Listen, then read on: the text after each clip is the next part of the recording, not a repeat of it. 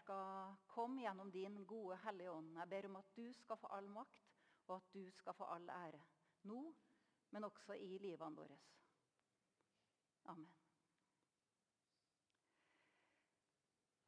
Helt fra jeg var veldig lita, kanskje 12-13 år, så vokste det fram en bønnetjeneste i livet mitt. Og I veldig mange år så handla den først og fremst om å be for ufrelste. Men de siste to-tre årene så har så å si hele tjenesten min handla om å be for Guds folk, be for menigheten. Gud viste meg på et ganske tidlig tidspunkt at min bønnemal skulle være Johannes' åpenbaring, vers 2 og 3. Det er de såkalte sendebrevene. Der taler Jesus til sju ulike menigheter. Jeg skal snakke litt saktere enn det som er naturlig for meg, for jeg hører at det er noen som prøver å tolke, og det er ikke så lett når Kari Holmås har sitt eget tempo. De sju sendemenighetene er veldig forskjellige. Og jeg tror at de er talt inn i en historisk tid. Det er òg mulig faktisk å tolke sendebrevene som kirkas utvikling. Det faller sammen med det som er sagt til Pergamon og Sardes og eh, Philadelphia og Laodikea. og også den første. Det følger egentlig noen kirkehistoriske linjer òg. Men som så mange sider av Guds ord, så er det mulig Eller så har Gud i sin enorme storhet lagt lag på lag i ordet sitt. Sånn at eh, mange tolkninger, mange sannheter, ligger skjult som hemmeligheter i det samme skriftordet eller avsnittet. Og jeg tror at de sju sendemenighetene også oppsummerer det som er kjennetegnet både på enkeltkristne og på forsamlinger. Men alle vet at i en forsamling så kan det være ånd og liv, og så kan det være avsporinger. Men Gud som kjenner hjertene, han vet hva den ulike typer kristne trenger. Og det kan òg være faser i livet mitt der jeg trenger et Sardes-budskap, eller jeg trenger et Smyrna-budskap. I vår tid så er det noen som sier at den nytestamentlige profetien den er alltid til oppmuntring. Når Paulus snakker om det her, så sier han jo at den profetiske tjenesten er til påminning, oppbygging og trøst. Og oppbyggelse er noe annet enn gode følelser. Oppbyggelse, det ordet på gresk, innebærer òg en formaning. Fordi, som det står i åpenbaringa 3, den med elske, refse og irettesetter. Den hellige ånd legger aldri en klam fordømmelse over Guds folk. Men vi kjenner det som et stikk i hjertet. Det er noe helt konkret som blir så klart for oss at Gud ønsker å korrigere. Det trenger ikke å være mye. Men alle vi som springer orientering, vet at et bitte lite skjevhet i kursen gjør at jeg kommer lenger og lenger og lenger og lenger unna det som var den virkelige veien. Det er bare to av de sju menighetene som Jesus ikke har noe å anklage for. Og Det ene er Smyrna. Det er en lidende menighet. Det er bare lidelse. Og det eneste som Jesus peker på, det er håpet. Hold ut. Og det er faser i et kristent menneskes liv der det bare handler om å feste blikket på målet og holde ut. Og både den vonde, ofte godt hjulpet av kristne mennesker, prøver å pine deg i den fasen med 'du burde ha trodd mer', 'det er sikkert din skyld', alt dette her. Jesus har ikke én ting når de holder på å segne under byrden av motstand, forfølgelse, kanskje sykdom, lidelse. Vi vet ikke. Det er ikke konkretisert. Det står bare at de lir. Vær ikke redd for det du skal lide. Fordi Gud er der. Og Gud er en Gud som alltid har det siste ordet, og som vender det som er vondt. Og bare vondt. Bare vondt. Bli i Guds hand, oppstandelseskrafta si hand. Til et mirakel. Til noe som fullfører Guds gjerning og Guds vilje. Den andre menigheten som ikke hører noe anklage, er Philadelphia. Og om Philadelphia sier Herren Du har liten kraft og Ikke men. Du har liten kraft og du har holdt fast på mitt ord. Det står egentlig 'mitt utholdenhetsord'. Vi har oversatt det, det ordet som gir utholdenhet. Men det kunne like gjerne være, si det ordet som, ja, de ordet som gir utholdenhet. ja. Du har holdt fast på mitt utholdenhetsord. Det er ved ordet vi blir holdt opp ved Guds kraft. Men sjølopplevelsen til Philadelphia-menigheten, det var at de hadde liten kraft.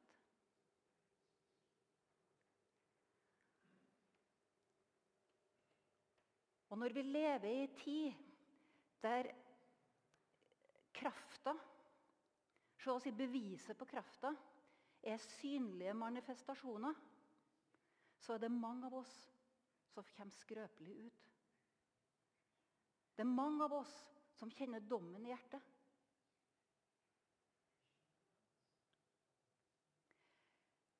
Gud sier, 'Min kraft blir fullendt i svakhet'. Hvordan kjennes svakhet? Svakhet kjennes som svakhet. For noen av oss er det fysisk. For noen av oss er det følelsesmessig og psykisk. For noen er det relasjonsbrudd og alt det som på en måte fordømmer oss og slår oss i støvlene. For noen av oss er det en åndelig fattigdom. I det er det Gud bygger sin menighet. Og Jo lenger jeg lever som sjelesørger, jo mer ser jeg på en måte hvor enkelt det er å leve i Guds kraft, og på en annen måte hvor utrolig vanskelig. Fordi det handler om vilje til å dø. Og det å dø handler om å slippe taket. Det handler om å miste. Og det handler først og fremst om å slippe kontrollen. Og på en måte så er det å forberede seg til å dø, som vi alle sammen på en måte frykter Det handler om å øve seg i å slippe kontrollen. Det er ikke helsevesenet som har siste ord i ditt liv. Det er mange som har satt sitt lit, til helsevesenet og blitt skuffa. Samtidig som det er mange som har fått hjelp. Men grunnleggende sett så er mitt liv i Herrens hånd. Og når Gud har vært så nådig med deg og latt deg få lov å bli gammel, så har han fått lov å føre deg i en prosess der du gradvis må øve deg i å gi fra deg kontrollen. Slipp taket. Leve mer og mer i bevisstheten om at ja, livet er skjørt. Søsken dør. Venner dør.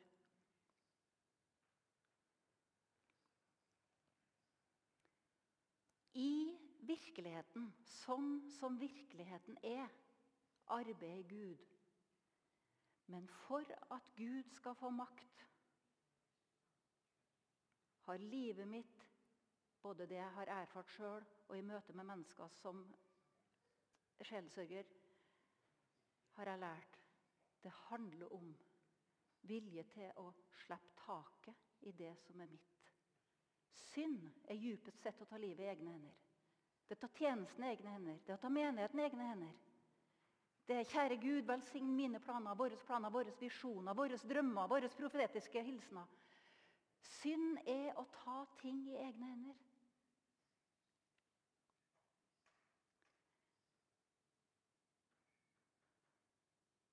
Og vi gjør det.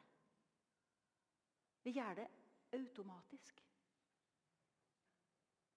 Og et liv i Den hellige ånd handler om å slippe taket i den måten å leve på. Og Det er veldig enkelt sagt, og det er utfordrende å leve i. Men når han har begynt å smake det livet, så vil han ikke tilbake til alle punktene om det gode kristne liv. En er så lei av kurs som skal lære oss opp i både det ene og det andre i Guds rike. Det handler om to små ord ja og nei. Det handler om to enkle handlinger der jeg slipper taket i det som er mitt, og sier ja takk, Jesus. Det er ikke lenger jeg som lever, men du lever i meg.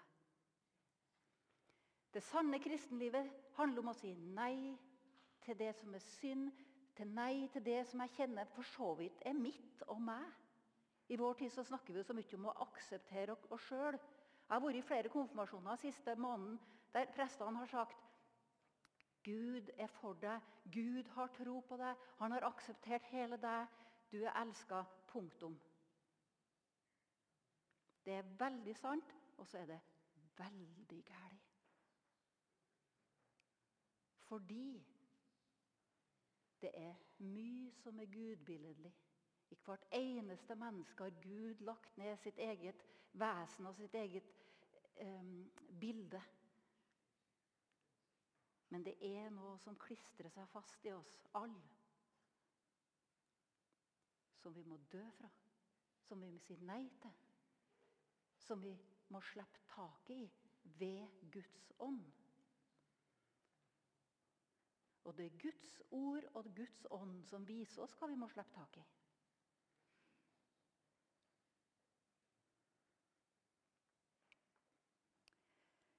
Det jeg nå har sagt, og det jeg skal si når jeg går inn mot landing, det er egentlig en tale ut ifra det ordet som jeg fikk til dere. Første del av første Korinterbrev, vers 2.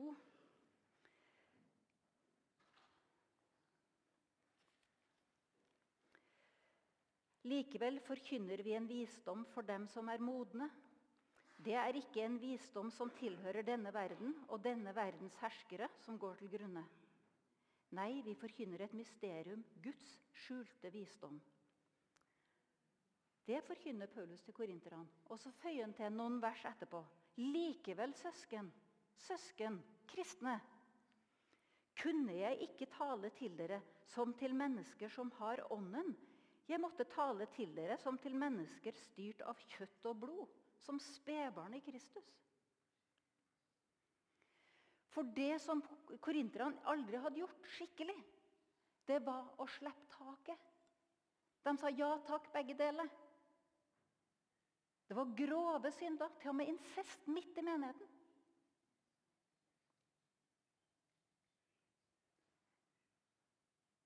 Og det var masse små synder. Han konkretiserer det. Beviset på at dere ikke lever i ånden sin, det at det hersker misunnelse og strid blant dere. Er dere ikke da styrt av kjøttet og går fram på menneskers vis? Misunnelse og strid det er rett inn i hverdagen vår. Og Det er det som er poenget mitt. Vi tror at når mennesker er fylt av Den hellige ånd, og da er alt som kommer ut av deres munn, det er så salva. Kjempeskummelt. Fordi at alle kristne er begge deler. Vi har Guds ånd i oss. Og det er bare fem vers fra eh, Jesus sier til Peter På deg, Peter, vil jeg bygge min kirke. Kan du få større, et større kall? og en sterkere bekreftelse fra himmelen sjøl om at Herrens ånd er over den? Og så går det fem vers, og så sier han 'Vik fra meg, Satan'. Så kort vei er det fra å være en tjener fylt av Guds hellige ånd. En som Gud skal bygge sitt verk på. Og Gud tok aldri fra Peter kallet. Tvert imot. Men samtidig så ligger sinna på lur.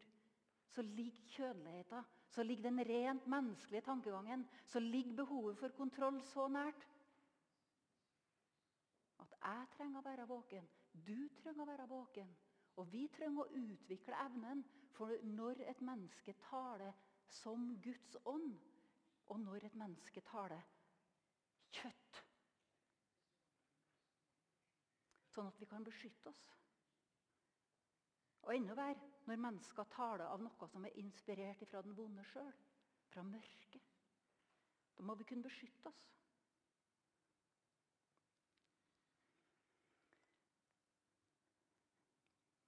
Jeg har lyst til å si to poeng til slutt.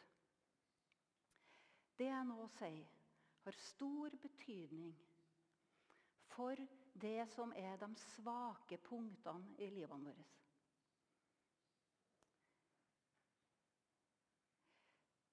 I vår tid snakker vi jo bare om sårbarhet. Og vi snakker om eh, kommunikasjonsproblem. Synd er et nådefullt ord. For synd er det legedom for. Synd er det frihet fra.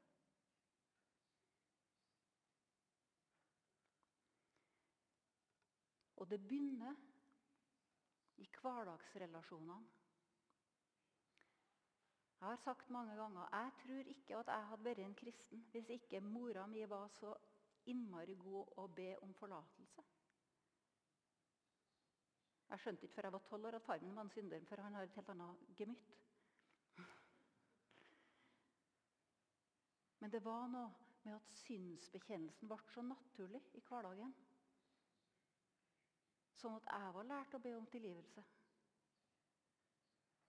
Og jeg fikk som et lite barn kjenne legedommen i relasjoner ved at vi kunne si 'tilgi meg'. Men det forutsetter, om relasjonen skal bygges opp igjen og bli god, så forutsetter det at begge ber om tilgivelse.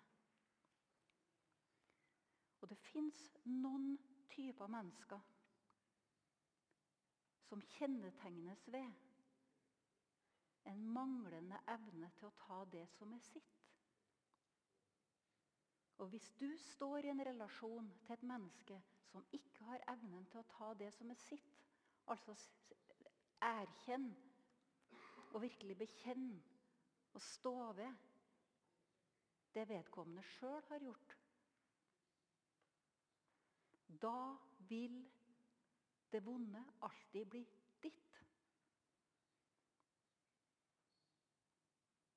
Hvis du ikke skjønner det her, så bare skit i det, for da trenger du det. Men du som står i sånne relasjoner, du vet hva jeg snakker om. Det er noen mennesker som bare etterlater seg skam, skyld, utilstrekkelighet i livet ditt. For de tar egentlig ikke noe som er sitt. De kan godt si ja, vi er jo alle syndere. Uinteressant. De er ikke i stand til å si jeg har såra deg, jeg har krenka deg. Jeg har ikke vært lydig mot Gud der og der. Vi møtes gråtende på kne, folkens.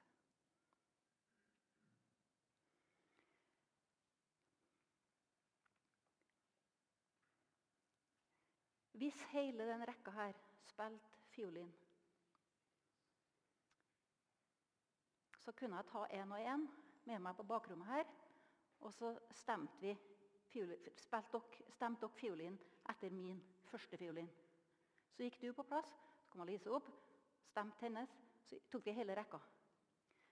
Så begynner jeg og slår an tonen. Og hva vil skje? Den vil være superfalsk. Og når Guds menighet ofte har så liten enhet, så er det fordi at alle justerer seg etter dem som er nærmest, dem de liker best, Dem de har noe sansen for. Og derfor skurrer det. Det er bare én som har stemmegaffelen. Jesus Kristus. Og kristne som har stemt livet sitt etter Jesus Kristus, de kan gå i den katolske kirke, de kan gå i frikirka, de kan gå i, hos metodistene, de kan gå hvor som helst. De kan til og med sitte hjemme i stua si, og du kjenner Guds barns enhet. Så når vi ber om Guds barns enhet, så ber vi egentlig at Guds folk skal justere livet sitt etter ordet og ånden og den korsfestede og oppstandende Jesus Kristus. Det er et gudsfolk som har sluppet tak i sine egne synder. Som har sluppet tak i andre synder og bare legger det på Jesus og vet at Gud er deres forsvarer. Det kommer en dag der Gud skal ta hånd om den urett jeg har lidd. Og Selve tegnet på at jeg har tilgitt, er at hvis vedkommende som har svara meg, kommer og oppriktig gråtende ber om forlatelse fordi han har gått med piggsko inn i livet mitt, da kjenner jeg ja, du skal få tilgivelse. De færreste som har gått med piggsko inn i livet vårt, kommer og ber om tilgivelse. Men jeg er rede til å gi den. Og da er jeg fri.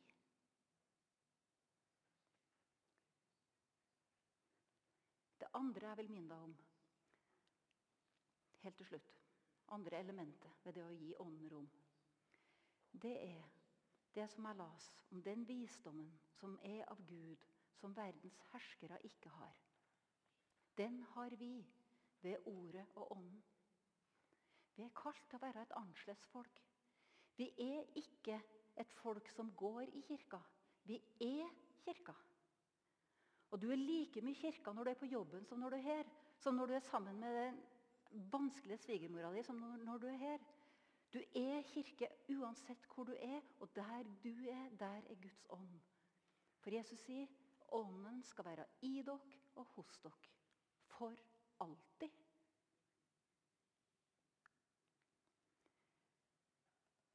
Og Det handler om å leve i det her. Det fins ei veldig lesverdig bok som heter 'Som om Gud ikke fantes'. Og Der sier Malm at kirka sin tragedie er at vi i praksis lever som ateister som om Gud ikke fantes. Ikke når vi er i kirka, men ellers. Og da blir vi som saltet som har mista sin kraft. Og salt uten kraft er ikke egnet til noe annet enn å bli tråkka på. Og når Guds folk blir tråkka mye på i samfunnet vårt, så handler det òg om at vi ikke har krafta.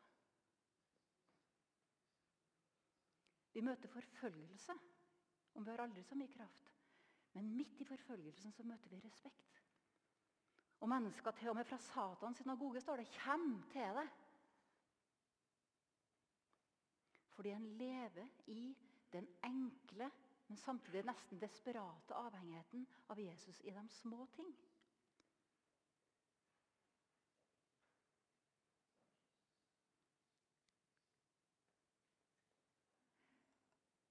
Jeg kjenner mennesker som står i store hverdagsbyrder med sykdom i familien dement ektefelle, funksjonshemma barn. Og de presser seg til den ytterste tåleevne. Og Jeg kjenner ei sånn dame. Hun pleier å si det går, det går bra når jeg klarer å ta posisjonen min i Kristus. Når jeg klarer å overgi det til Gud og leve i nået og si 'Herre, du må bare gi meg tålmodighet nå'. Gi meg styrke nå. Jeg kan ikke, men Jesus sier meg kan. Vi representerer så mange fagområder i denne forsamlinga her. Så mange samfunnsområder, så mange arbeidsplasser. Når ba du om at Gud skulle fylle deg med visdom, med inspirasjon, med dømmekraft, med styrke til å reise deg til for en kollega som kanskje blir gjort urett av ledelsen? Til å reise deg og ta initiativ til å skape en forandring? Når ba du over et vanskelig problem, intellektuelt problem kanskje, som har med bare jobben din å gjøre? Når ba du om å få eh, en forståelse av hvordan du skulle skrive noe, hvordan du skulle angripe noe? Da begynner vi å bli kirke. Helt til slutt. Vi står på skuldrene av den sanne Guds menighet. Den sanne Guds menighet har aldri noen gang Satan greid å ta rotta på. Men all avsporinga, alt som ligner, alt som leker kirke, alt som ligner kirke, men som ikke har Filadelfia-menighetens kraft i seg, er uhyre sårbart for verdens krefter. Derfor er det feil når den profetiske budskapet i vår tid når det blir sagt at det bare er et budskap til oppmuntring. Fordi vi trenger beskjærelsen. Hvis dere leser Isaiah 5, så sier Herren Jeg gjør min vingård til en ødemark. Den skal ikke lenger beskjæres og lukes. Det er tegn på forfall hvis vi ikke blir beskjært og luka.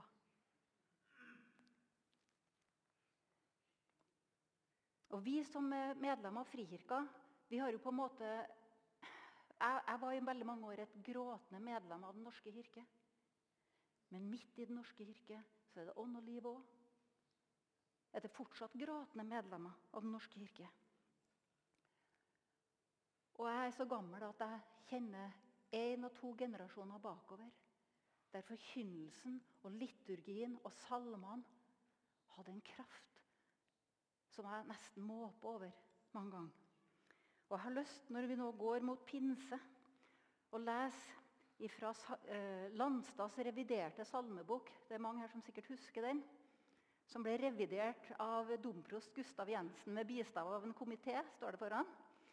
Og I den eh, aller eldste utgaven så sto eh, søndagstekstene pluss bønner for ulike faser.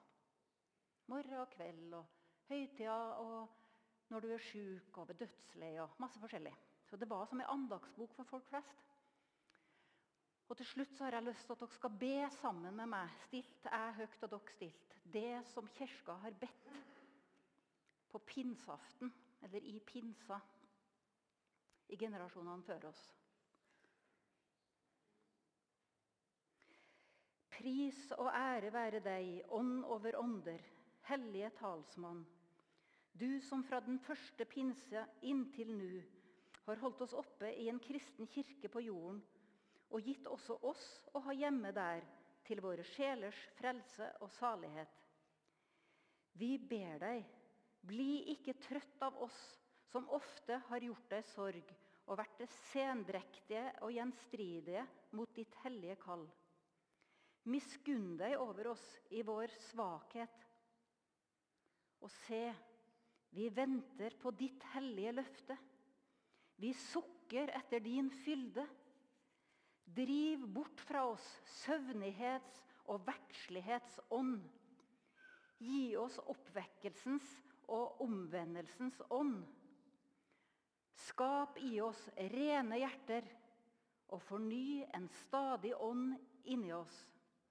Og hør Send oss nye tider hellige åndstider fra det høye, fruktbare tider fra himmelen, at Kristus må forklares iblant oss, og hans menighet bli enig og sterk av hans herlighet, og samle inn til ham et stort og åndelig folk, både her hjemme og ute blant folkene.